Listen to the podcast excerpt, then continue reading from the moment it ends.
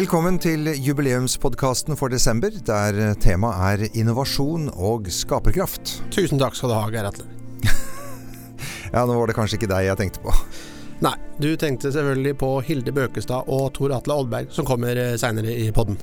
Ja, jeg tenkte i grunnen mest på lytterne, og på vår gjest her i studio. Velkommen til deg, Gillian Hockley. Tusen takk. Du, eh, kan du fortelle litt om eh, ja, hva du driver med, Ja. og hvor? De siste syv årene har jeg jobbet med um, etableringer uh, i Larvik, um, i regi av Start i Vestfold. Og de siste fem årene så har jeg jobbet med oppstartsbedrifter og etableringer uh, som daglig leder i Colab, som er da et uh, gründermiljø og co-working space. Hva er målet med Colab?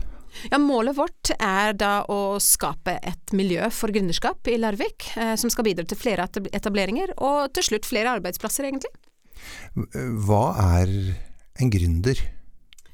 Ja, det er et ord som vi har diskutert masse opp gjennom de siste fem-seks årene, fordi det er ikke alle som liker å bruke ordet gründer lenger. Eh, nå bruker vi liksom sånne engelskordene som startups og sånt, men eh, vi har kommet fram til at en gründer er eh, noen som starter noe, som gründer et eller annet. Og det er ikke alle som jeg jobber med som kjenner seg selv igjen som gründere, faktisk, selv om jeg kan tenke at jo, du er en gründer, men de kjenner seg ikke sjøl igjen som gründere. Men kan det hende at uh, grunnen til at noen ikke har lyst til å bruke det om seg sjøl, at man føler at uh, fallhøyden blir litt stor? At det er litt sånn beskjedenhet? At man Ja, jeg, jeg tror uh, Jeg tror det kan ha litt å gjøre med det. Um, og, og folk um, Ikke bare det, men at de, de ser på gründere som sånne store figurer, og de assosierer ikke det de skal gjøre med, med de. Som Steve Jobs eller mm. liksom, De tenker vi wow, store gründere, og de tenker ja, jeg er bare en liten Jeg skal bare åpne en liten butikk i Larvik. Ja, man er redd for at noen skal få det inntrykket at man har tenkt å bli det nye Steve Jobs, eh, Ja. eksempel. Ja. Ja. Og eh, apropos så tror jeg alle sånne type ideer, altså Steve Jobs har jo Det startet jo med en, eh, en interesse eller en, en idé. Så hvordan kan man For det er mange som sitter rundt og tenker at eh, jeg har en idé. Eh, kan man definere hva som er en god idé? Ja, det kan man. En god idé for å skape en bedrift ut av, det er noe som markedet vil ha. For hvis ikke du kan selge det, hvis ikke markedet vil ha det, så kan ikke du tjene penger på det. Så det, det tror jeg du kan på mange måter definere, men det er veldig vanskelig å vite det helt i starten. Du kan ikke liksom si oi, jeg har en idé, dette må være kjempegod idé. Det går ikke. Eh, jeg har snakket med en kar som heter eh, Teddy Dammen. Og han fikk plutselig en uh, idé og en lyst, og det skal vi få høre om nå. Uh, men aller først så spurte jeg ham om han kunne fortelle litt grann, om han selv. Jeg har livnært meg som lydtekniker og eventmaker og alt mulig menneske i kulturlivet siden jeg var uh, umyndig. Mhm. Hatt noen, noen korte innhopp som voksen på kontor, ja. men det, det ble ikke noe særlig karriere av det. Og nå jobber jeg som eh, AV-konsulent i et veldig stort firma som heter Athea. Men du er også tekstforfatter og låtskriver. Eh, ja, jeg er utdanna musiker eh, ved et konservatorie. Og har alltid spilt og, og sunget, og foretrekker å, å skrive selv. Da. Hvordan er det du lager en låt?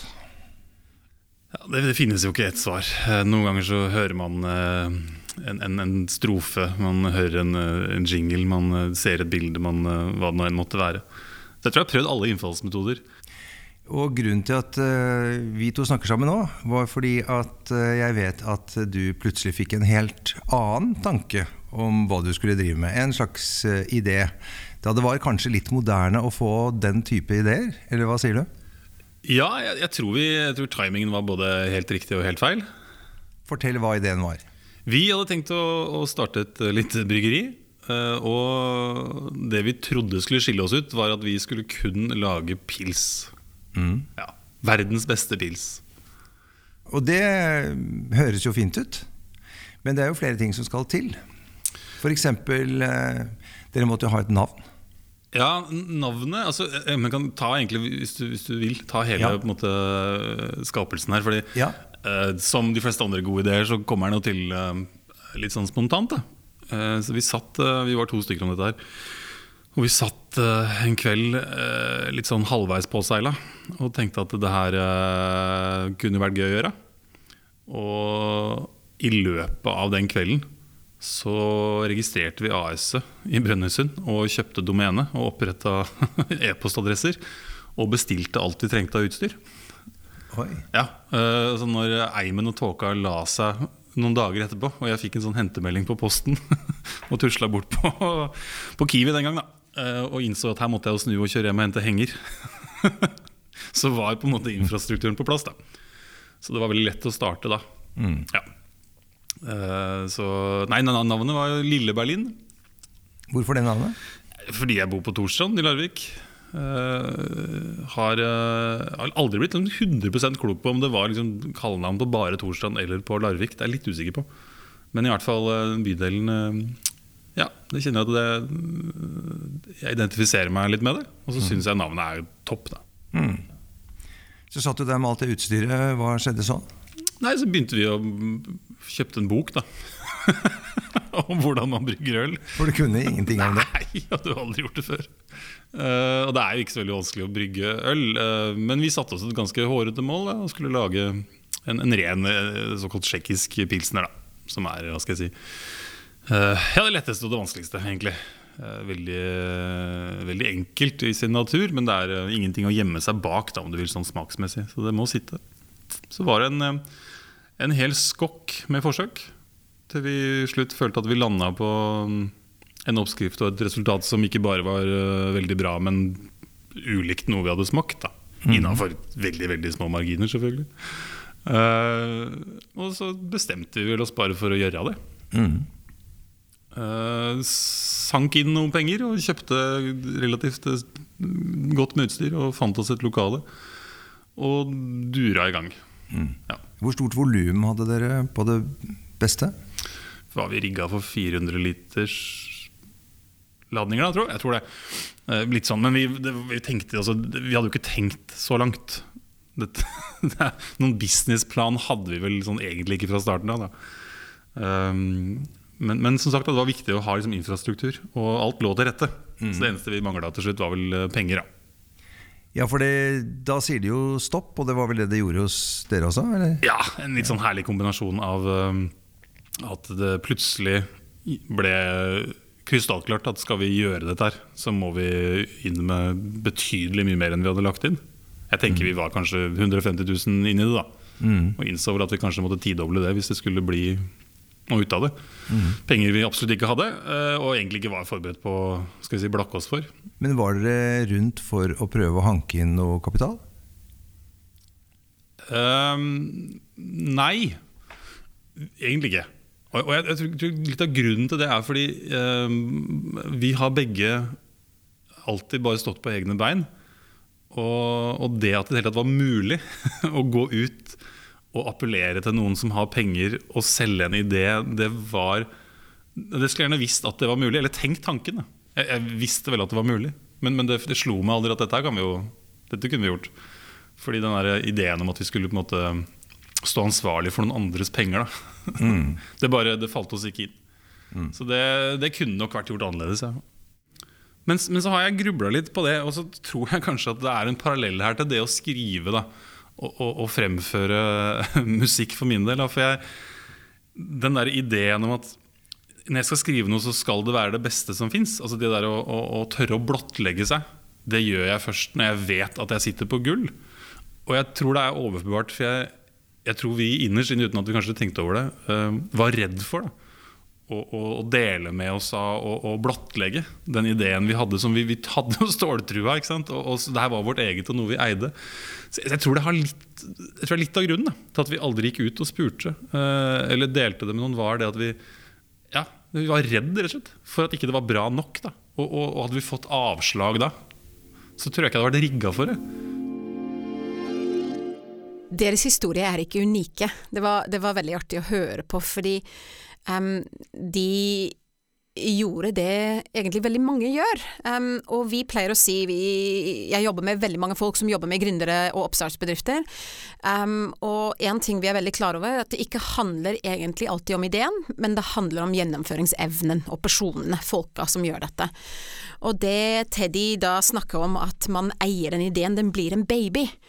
Og veldig mange blir redd for å gå ut og fortelle om det. Um, og gå ut og få tilbakemeldinger, og det er kanskje noe av det viktigste du skal gjøre i en oppstartsprosess. Er å faktisk gå ut og snakke, først med de som du kjenner, først, først med de som tror på deg og som du stoler på, og som er venner, liksom friends, fools and family, liksom den, den gjengen der. De, eh, de, skal du liksom fortelle, og når du da begynner å samle inn tilbakemeldinger, så, så må du tørre å gå ut.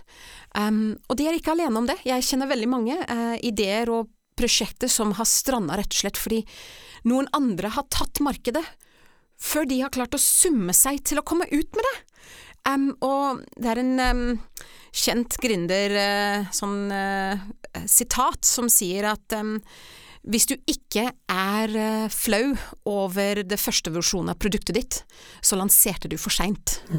Um, og det er en veldig kjent greie, at du, du er nødt til å faktisk bare få det, i, få det ut i verden, og begynne å få tilbakemeldinger, og så endrer du underveis. Ja, jeg tenker i hvert fall sånn at uh, det er jo ofte at uh, hvis du tilhører en, um, en, en, familie eller en omgangskrets hvor det fins folk med midler og sans for gode ideer, så er det større sjanse for at du får gjennomslag for den ideen.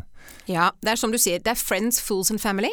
Mm. Det er de første som legger penger inn i våre ideer. Jeg tror nøkkelen da er å være en god selger, mm. uh, fordi da må ha såpass tro på ideen og kunne fortelle det til andre på en måte at de får like mye tro i det som du gjør, mm. som du har, ikke sant.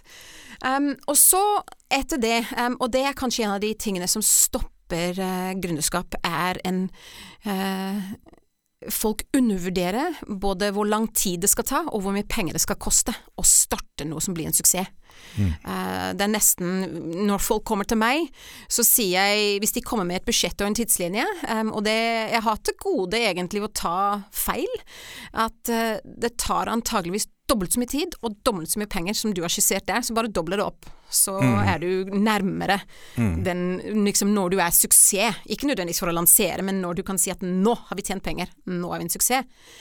Um, men du spurte meg om uh, ja, de kan komme til Colab. Um, og jo, absolutt. Uh, og det er det vi veit også er uh, en suksessfaktor i de byene og de stedene og de landene hvor uh, folk lykkes, er at de kan dra et eller annet sted og få hjelp. Så med Colab så har ikke vi direkte midler, men vi kan veilede og hjelpe folk til å søke midler. Vi har et fantastisk velutviklet virkemiddelapparat i Norge. Vi deler vi ut massevis av penger. Og vi har også investorer som er interessert i ideer. Men Norge er, det er vanskelig i Norge, altså. Fordi mm. Norge ligger veldig langt bak når det gjelder investering i oppstartsbedrifter. Um, bare, Du trenger ikke gå lenger enn til Sverige eller til Island, så er det en helt annen uh, kultur i forhold til investering i uh, bedrifter. I oppstartsbedrifter. Men i Larvik så er det jo også helt klart noen som har lykkes. Og uh, nå i høst så var det jo noen som fikk pris. De var en Colab-bedrift helt i starten. En av de liksom, helt i den spede begynnelsen av Colab, så var de en oppstartsbedrift. Og vi snakker om Get Academy. Ja, da snakker vi om Get Academy, og Get står for Geir, Eskil og Terje. Mm. Get Academy. Mm. Um, og Get Academy de tok utgangspunkt i at det er, eh, det er et problem Når de startet, så var de veldig tidlig ute, syns jeg, mm. uh, selv om det ikke er så mange år siden. Men de tok utgangspunkt i disse, vi snakker om de veldig ofte nå, disse gamere og folk med en ekstremt god teknisk kompetanse, men som ikke får seg jobb. Og de har da bygd en akademi som utdanner tekniske folk, som vi for øvrig har stor mangel på i hele verden og i Norge, for bedrifter som da trenger disse utviklere. Mm. Um, og nå eh, jobber de mot å bli en fagskole som gjør at du også kan søke dit og få da støtte, studielån, til å Så de har skapt en skole, rett og slett. Og det trenger Larvik? Absolutt. Eh, eh, ut fra ditt ståsted, er det noe Larvik bør prioritere fremover? Eller gjøre bedre i fremtiden? Ja, det er det. Um, hvis man ser bare litt over kommunegrensen til Sandefjord, der er det en helt annen heiekultur. Um, og det tenker jeg er noe vi kan jobbe med i Larvik, og det, vi, det prøver vi å jobbe med i Colab. Um, vi legger ut historier i sosiale medier, og vi prøver å fronte bedrifter i avisen for å vise folk at her skjer det ting.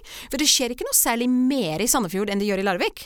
Hvis du ser på statistikken fra Brunøysundregisteret, så er det ikke sånn at Sandefjord ligger mileveis foran Larvik i forhold til etablering av bedrifter og AS-er og sånn. Det gjør det ikke. Men de er så mye flinkere til å fortelle om det. Og mm. det tenker jeg er noe som vi kan bli bedre til i Larvik. Du, når jeg drømmer om fremtiden i Larvik, så ser jeg for meg et fullstappa torvet hvor folk sitter på forskjellige kafeer og drikker forskjellige ting. Det er en sommerdag, det, og jeg sitter der med badeshortsen i en eh, bag. Og så tar jeg fram telefonen og bestiller en selvkjørende bil som eh, kjører meg til Vittensand. Ja, men hvis du først bare skal sitte og drømme, så tenker jeg at jeg sitter på torget, og så kommer Vittensand til meg. Eh, ja, drømme kan vi alle gjøre. Men du har jo rett og slett snakket med noen fagfolk på området? Ja. Jeg har møtt Hilde Bøkestad og Tor Atle Oddberg. Hilde, hva driver du med? Jeg har jo fått ny jobb. Eh, nå jobber jeg i Oslo. Jeg jobber i noe som heter Doga, Design og arkitektur Norge. Og vi skal prøve å hjelpe til med innovasjon eh, innafor det som handler om eh, design og arkitektur. Og da er jo det med by veldig interessant, som vi skal snakke litt om her i dag. Mm.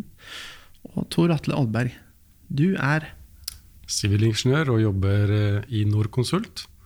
Og jobber i ganske mange byer med byutvikling rundt omkring i landet. Hmm. Hvis vi skal begynne med det helt grunnleggende. Hva er en by? Jeg har jo spurt eh, Knut Vareide om det i den første sendinga. Og da er svaret at det er en konsentrasjon av folk, en viss mengde folk på et lite område, med komponenter som gjør at folk vil komme dit. Arbeidsplasser, underholdning, utdanning, som eksempler. Hva slags by er Larvik, og hvilke komponenter har vi? Det som er bra med Larvik, er jo det at det ligger bra til. Eh, det er et krysningspunkt mellom hvor folk har beveget seg. Eh, og kommet eh, på sjø, på landeveien. Og etter hvert jernbane, flyplass og andre ting som gjør at eh, det er veldig naturlig å møtes her. Og jeg ville jo sagt at en by er jo i utgangspunktet en møteplass. Mm. Og så har det utvikla seg videre også til å bli boliger og arbeidsplasser og alt det der. der. Mm. Så alle byer har jo vokst fram fordi det har vært gode møteplasser. Mm. Men for Larviks del så er, handler det jo mye om infrastruktur. Eh, vi er et knutepunkt, eh, og det har kanskje blitt viktigere etter hvert. Men infrastrukturen rundt og i Larvik nå, den eh, må vel, eh, den må vel utvikle seg litt kjappere enn den har gjort de siste åra, kanskje? Ja, kan du si at eh, Generelt så pleier vi å si at den viktigste infrastrukturen det er menneskene i byen. Mm. Og, og, før så var jo på en måte også i forhold til næringsutvikling så var jo kanskje den viktigste kapitalen det var liksom i bygningene og i fabrikkene. Men nå er jo den viktigste kapitalen til næringslivet det er jo de hodene som bor i byen. Så jeg tenker at eh, det perspektivet er, liksom, ligger i, i bunnen når vi jobber med byutvikling. Og så er det sånn at uh, mange steder ser til de byene som får ting til, og får, hvor det skjer mye. Men det de glemmer, er at de har jo ofte jobbet i veldig mange år før de endelig får bygd noe og gjort noe. Så jeg tror at uh, vi kan jo se til Grenland f.eks., som fikk eh, byprisen nå i år. Og en av hovedgrunnene til at de fikk den, er at de har jobba langsiktig og sammen om en eh, bra utvikling. Hvor infrastrukturen er én viktig del av det. Men eh, jeg tror også for næringslivet så, så handler det veldig mye om at disse småbyene som Larvik er en del av, da, de henger jo liksom som perler på en snor langs intercityaksen. Og de er eh, litt for små hver for seg til liksom å tilby begge to jobb, kanskje. Interessant jobb, i hvert fall. Og, og et kulturliv osv. Men til sammen så er jo f.eks. byene i Vestfold veldig attraktive. I tillegg til det som Hilde var inne på, hvor du har disse naturgitte verdiene. Og mange syns jo at uh, det er en attraktivitet det å kunne bo et litt mindre sted med mindre køer. Eh, lettere å komme seg rundt. Så um, jeg tenker at eh, byene må på en måte um, se litt sånn regionalt og samla på sin rolle, da. Mm.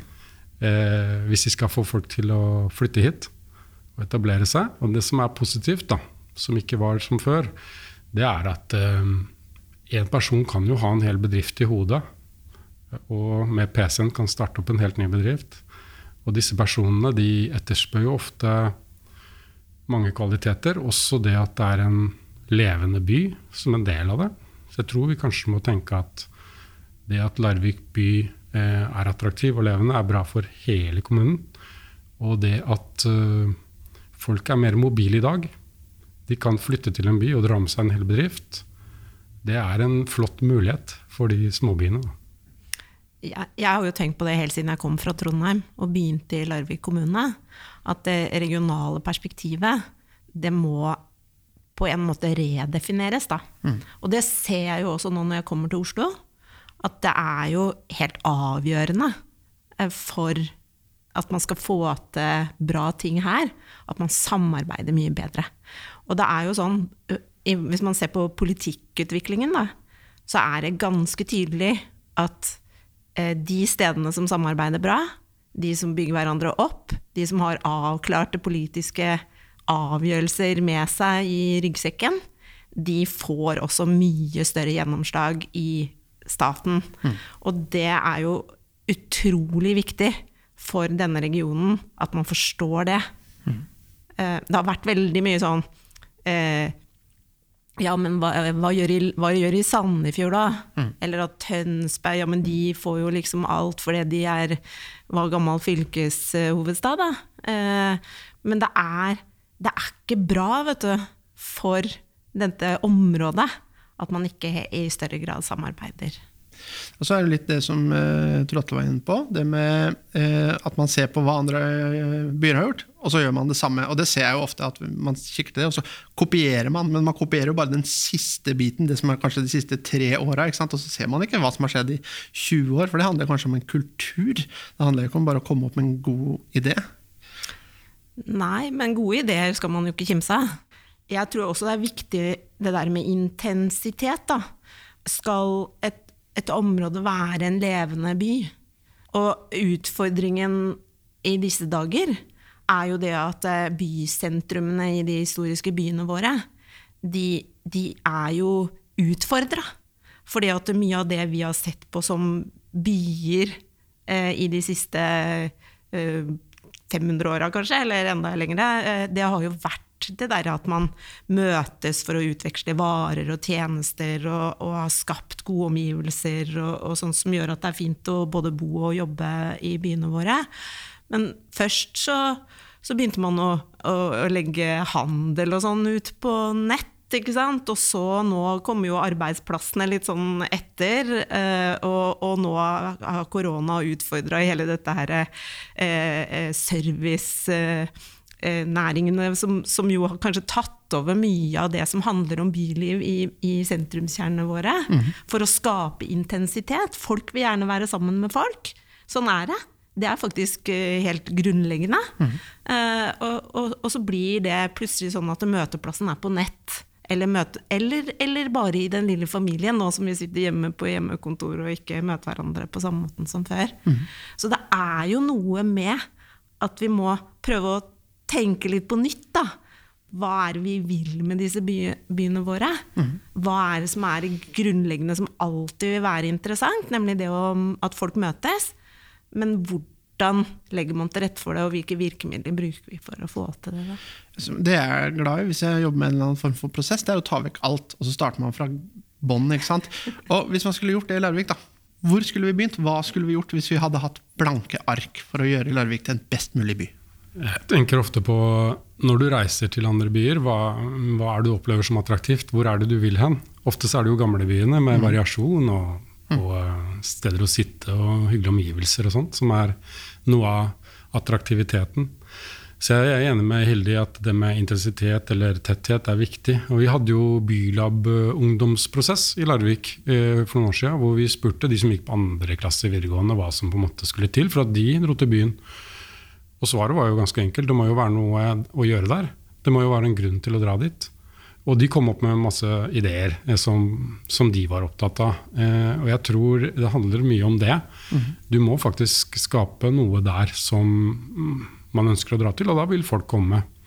Så hadde vi med oss Gel Architects, som er litt sånn rockestjerner i arkitektverden en gang, i Sandefjord. og da, da, da sa de at den, for oss som bor i København, når vi kommer hit og ser på disse småbyene, som er jo fine, men dere er jo så få, så er dere nødt til å, dere er nødt til å satse på kanskje et par gater. Og så må dere samle attraktiviteten og handelen og alt dere har der. Mm. For da blir det veldig interessant å være der. Men um, Larvik og mange andre byer vi er jo kjempegode til å spre ting utover. Det blir for langt å gå imellom, så blir det ikke noe byliv, og så blir det dødt, og så blir man sittende i bilen kanskje på et eksternt kjøpesenter isteden. Mm. Så her ligger det noe. Ja. Og, der, ja. og, og, og, i en del andre land nå så driver man jo faktisk og jobber med å prøve å få folk til å møtes eh, selv om man ikke har tenkt at de skal møtes. Altså det at eh, inngangen til parkeringskjelleren f.eks. legges et sted som gjør at folk er nødt til å, å treffe på hverandre, sånn at de møter hverandre ansikt til ansikt. Det er en veldig morsom historie fra Kongsberg, en liten by. De har jo eh, arbeidsplasser eh, som er eh, i verdensklasse når det gjelder attraktivitet. De har fantastisk natur. Men som jeg sa, du må nesten være født der for å orke å bo der. og det handler jo litt om at det de ikke har, det er liksom urbanitet og småbyliv og sånn. Så de har jo i flere år jobba veldig sånn bevisst da, med en de kaller en kompakt bystrategi. Hvor de prøver å samle alt i, egentlig, i hovedgata. De har flytta skoler. De har flytta den ene funksjonen etter den andre. Jeg tror det handler litt om det, å se litt hva er det vi har, og hva er det ikke vi har. og Egentlig så er det så enkelt som uh, Richard Florida sa for noen år siden. at uh, Kan du ikke spørre noen av de som har flytta ut, da, hva som skal til for å flytte tilbake? Og de fleste vil jo si at uh, det er ikke veldig attraktivt å flytte tilbake til en død by. Jeg pleier å bruke Kongsvinger som et eksempel. Ikke et vondt ord om Kongsvinger, men hvis jeg tenker, hvis jeg tenker på hva er det som skal til for at folk flytter til Larvik? Så tenker jeg, hva skal til for at jeg flytter til Kongsvinger? Ja. Mm. Eh, og det, det, er ikke god barnehage, liksom. Det er ikke det som skal til, er jo at sannsynligvis at svigermor bor der. Eh, eller eh, at jeg får en veldig morsom jobb. Eller i kombinasjon. Så med det perspektivet, da, er det meningsløst å drive med å prøve å tiltrekke seg folk med hjelp av kommunale hjelpemidler? Nei, det er ikke meningsløst, men kanskje man må være litt mer målretta. Altså, eh, en av de tingene vi diskuterer, det er jo eh, om vi bruker virkemidlene vi har da, mm. i det offentlige Norge på riktig måte. Eh, er det sånn når vi f.eks. jobber med å tenke hva er, vi, hva er det vi har behov for, da, som kommunen kan legge til rette for? Eh, er det sånn at eh, ja, nå vi, blir vi flere der, da må vi ha et nytt sykehjem, f.eks.? Eller går det an å tenke at eh, nei, vi trenger ikke egentlig et sykehjem, men vi trenger noe som gjør at vi kan drive god helse og velferd? Mm. Kan det gjøres på en annen måte enn å bygge et stykk sykehjem? Mm. Eller, eller, sånn som i Larvik, da, vi trenger nye, gode arbeidsplasser for de som jobber i kommunen, altså rådhusfunksjon. Er det sånn at vi trenger å bygge da ett stykk stort, nytt bygg for å få plass til den rådhusfunksjonen? Eller kan man løse det på en helt annen måte, som faktisk også gir andre effekter? Og da må man begynne å tenke hva er ringvirkningseffekten av det å gjøre en investering?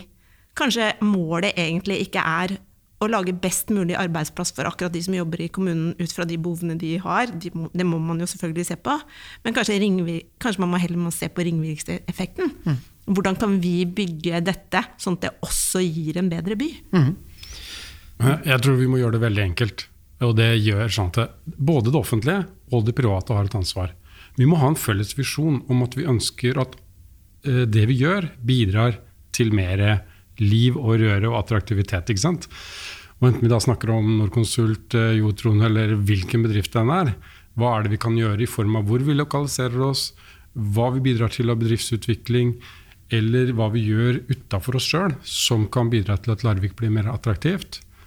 Det tror jeg vi, vi, Og da kan det offentlige gjøre noe, og så kan det private gjøre noe. Det er veldig riktig, og vi har ikke mer ressurser nå enn at vi er nødt til å bruke det mye smartere enn det vi gjør i dag. Og, og du Tor Atle pleide jo å si det at eh, hver eneste arbeidsplass er en potensiell lunsjkunde Mm. i en by. Eh, og det er jo helt riktig. Men det som kanskje ligger også innafor dette her, det er jo det at eh, man har et hjerte for det stedet man bor og jobber. Og, og det at man da er en potensiell lunsjkunde, er jo også en potensiell elsker av den byen man bruker til hverdags. Enten når man bor eller trenger noe der eller jobber der. Og det å ha hjerte for byen, det er jo kanskje en av de tingene som kjennetegner de beste byene i Norge. At de har skikkelig hjerte for byen. Og så, og så er det kanskje noe av det som kan være litt utfordrende med Larvik. At det er veldig mange som er glad i Larviks natur. Eh, Det er veldig mange som er glad i noen bydeler eller noen bygninger eller noen steder. Mm. Sånn som Bøkskogen og sånn. Men, men er det nok folk som egentlig elsker byen nok til at man liksom bruker tid der? Da? Og vil være der? Det er jo et viktig spørsmål. Så hvordan skal vi gjøre Larvik til et sted som folk elsker å være og oppholde seg? Og Det er høna og egget-problematikk der også, da. For folk eh, liker jo å være sted hvor det er folk. Og så kan man sitte hjemme og klage på at ikke, man kan sitte hjemme sjøl og klage på at ikke det er folk i byen. Ja, og så må du, Når du har muligheten, da, når ting oppstår at eh, funksjoner skal flyttes på, eller man har muligheten til å gjøre noe, så må man se litt bevisst på det og få en politisk debatt rundt ok, kan dette være et ledd i å, å skape et mer levende sted? For vi vet at levende steder er veldig attraktive. Og det fins jo eksempler på sånn som eh, Carlsbergbyen i København. altså De har jo helt bevisst lagt til rette for at barn skal leke i gata, for det høyner leieprisene. Altså Alt sånn liv og røre liker vi. Men, men jeg tenkte litt på det du stilte jo noen spørsmål Kjetil, i, i forkant om, om det med liksom å se litt lengre fram. Da. Eh, og det som jeg syns er ganske interessant nå, da, når jeg driver og pendler til Oslo, det er jo i disse koronatider hvor det blir helt stille. Selv i sentrum av Oslo er det veldig stille nå. Og, og, og, og hva, hva gjør sånne endringer som dette, da? Det er jo et brudd eh, på måten vi, vi forestiller oss at vi skal ha det. Og veldig, veldig mange tenker at det, ja, men det er bare en periode. Det går over. Eh, og det kan det jo hende det gjør. Men det kan jo også hende at dette er, at dette er noe vi må tilpasse oss, da.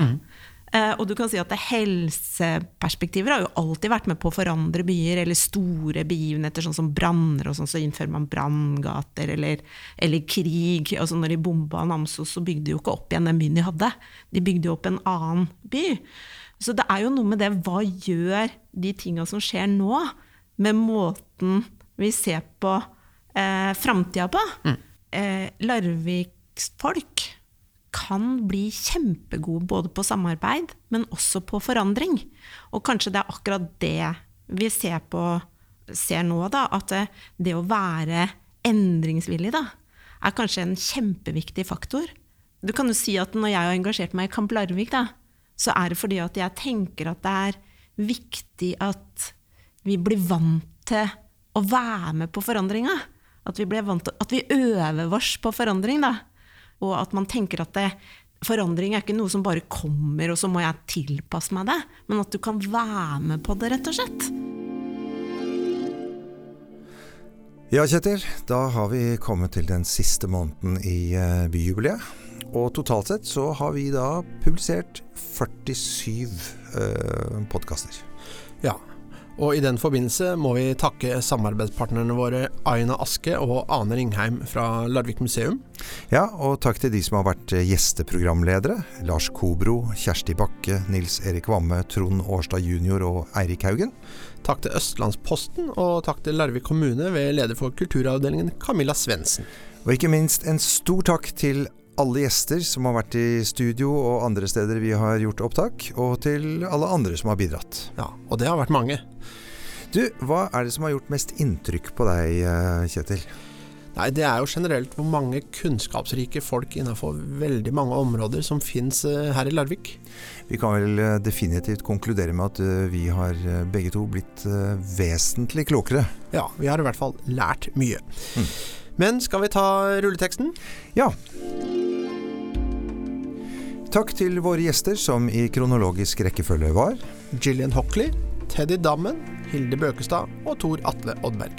Følg oss gjerne på Facebook, Larvikspodden Ropert eller Vi350. Du finner også Larvikspodden på Spotify og der du laster ned podkast. Ansvarlig for podkasten er Foreningen Ropert, produsent Virvel AS. Ja, takk til deg da, Kjetil. Takk til deg. Hva skal du gjøre da? spise ribbe og pinnekjøtt. Oi! Vi skal bare ha pinnekjøtt. Det blir i hvert fall fint, da.